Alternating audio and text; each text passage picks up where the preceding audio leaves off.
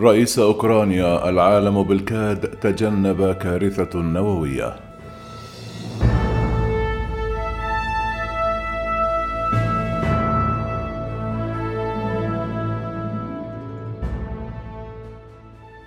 حذر الرئيس الأوكراني فلاديمير زيلينسكي مساء الخميس من أن العالم قد تجنب بالكاد كارثة نووية بعد انقطاع التيار الكهربائي لعدة ساعات عن محطة زابوريجيا النووية وقال لو لم يتدخل موظفو محطتنا بعد الانقطاع لكنا مضطرين لمواجهة عواقب كارثة نووية. من جهتها أعلنت الأمم المتحدة عن آخر خط منتظم لتزويد محطة زابوريجيا النووية التي تسيطر عليها روسيا بالكهرباء عاد للعمل مجددا بعد انقطاعه في وقت سابق يوم الخميس. قال الرئيس الأوكراني فلاديمير زيلينسكي مساء الخميس أن العالم قد تجنب بالكاد كارثة نووية بعد انقطاع التيار الكهربائي لعدة ساعات عن محطة زابوريجيا النووية. وبحسب زيلينسكي فإن هذا الانقطاع كان جراء القصف الروسي الذي أشعل النيران في محطة الطاقة التي تعمل بالفحم قرب محطة الطاقة النووية زابوريجيا التي تزودها بالكهرباء. كما أضاف الرئيس الأوكراني أن مولدات الطوارئ التي تعمل بالديزل ضمنت إمدادات الطاقة لمحطات الطاقة النووية وحافظت على سلامتها. قال في كلمة لو لم يتدخل موظفو محطتنا بعد الانقطاع لكنا مضطرين لمواجهة عواقب كارثة نووية. روسيا وضعت الأوكرانيين كما كل الأوروبيين على شفا كارثة نووية وأضاف يجب أن يعلم الأوكرانيون أننا نبذل قصارى جهدنا لتجنب سيناريو كارثي لكن الأمر لا يعود لنا فقط. وأعتبر زيلينسكي أن ردة فعل الوكالة الدولية للطاقة الذرية يجب أن يكون أسرع بكثير مما هو عليه.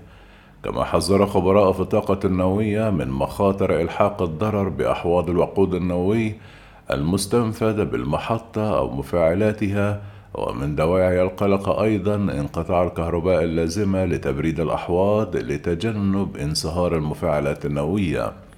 بدورها قالت الأمم المتحدة أن آخر خط منتظم لتزويد محطة زابوريجيا النووية الأوكرانية التي تسيطر عليها روسيا بالكهرباء عاد للعمل مجددا بعد انقطاعه في وقت سابق يوم الخميس وهو أمر سلط الضوء على الخطر المحتمل الذي يمثله قتال يدور في منطقة قريبة. قالت شركة الطاقة النووية الأوكرانية الحكومية إنروغوات في وقت سابق إن الحرائق اندلعت في حفر الرماد في محطة للفحم بالقرب من محطة زابوريجيا النووية أكبر منشأة نووية في أوروبا وألحقت أضرارا بخطوط الكهرباء التي تربطها بالشبكة. كما قالت الشركة في بيان نتيجة, لذلك فصلت وحدات الطاقة العاملتان بالمحطة عن الشبكة وهكذا تسبب تصرفات الغزاة في انقطاع كامل هو الأول في تاريخ المحطة. قالت الوكالة الدولية للطاقة الذرية ومقرها فيينا في بيان آخر خط منتظم يوفر الكهرباء للمحطة عاد للعمل مجددا في وقت لاحق يوم الخميس. كما أضافت أن أوكرانيا أبلغت الوكالة الدولية للطاقة الذرية بأن محطة زابوريجيا النووية انفصلت مرتين على الأقل عن خط الكهرباء خلال النهار قبل اتصالها به مجددا مضيفة أنه لم تتوفر بعد المعلومات عن السبب المباشر لانقطاع التيار الكهربائي. استولت روسيا التي غزت أوكرانيا في الرابع والعشرون من فبراير شباط المنصرم على محطة زابوريجيا في مارس أذار الماضي. وسيطرت عليها منذ ذلك الحين على الرغم من استمرار تشغيل فنيين أوكرانيين لها وتبادلت روسيا وأوكرانيا الاتهامات بقصف الموقع مما أثار مخاوف من احتمال وقوع كارثة نووية. تسعى الأمم المتحدة للوصول إلى المحطة ودعت إلى إخلاء المنطقة من السلاح وقال المدير العام للوكالة رافائيل جروسي يوم الخميس أن مسؤول الوكالة الدولية للطاقة الذرية سيتمكنون قريبا جدا من زيارة زابوريجيا. كما قال وزير الطاقة الأوكراني جيرمان جولونشكي أن مسؤول الوكالة الدولية للطاقة الذرية قد يتوجهون إلى المحطة في الأيام المقبلة. كما أضاف جالونشكي في كيف بأن الزيارة تم الإعداد لها بالتأكيد في موعد أقصاه بداية سبتمبر أيلول.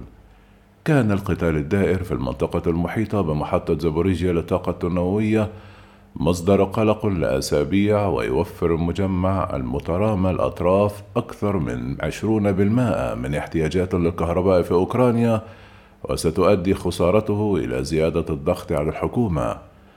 قالت إنرغوارا في وقت سابق أن أنظمة الأمن بالمحطة تعمل بشكل طبيعي وإن العمل جاري لإعادة ربط أحد المفاعلين بشبكة الكهرباء والمحطة بها ستة مفاعلات في المجمل. كما أفادت وكالة نيفوستي الروسية للأنباء بأن أنظمة السلامة في زابوريجيا تم تفعيلها الخميس بعد أنباء عن انقطاع التيار الكهربائي عبر مساحات شاسعة من الأراضي التي تسيطر عليها روسيا.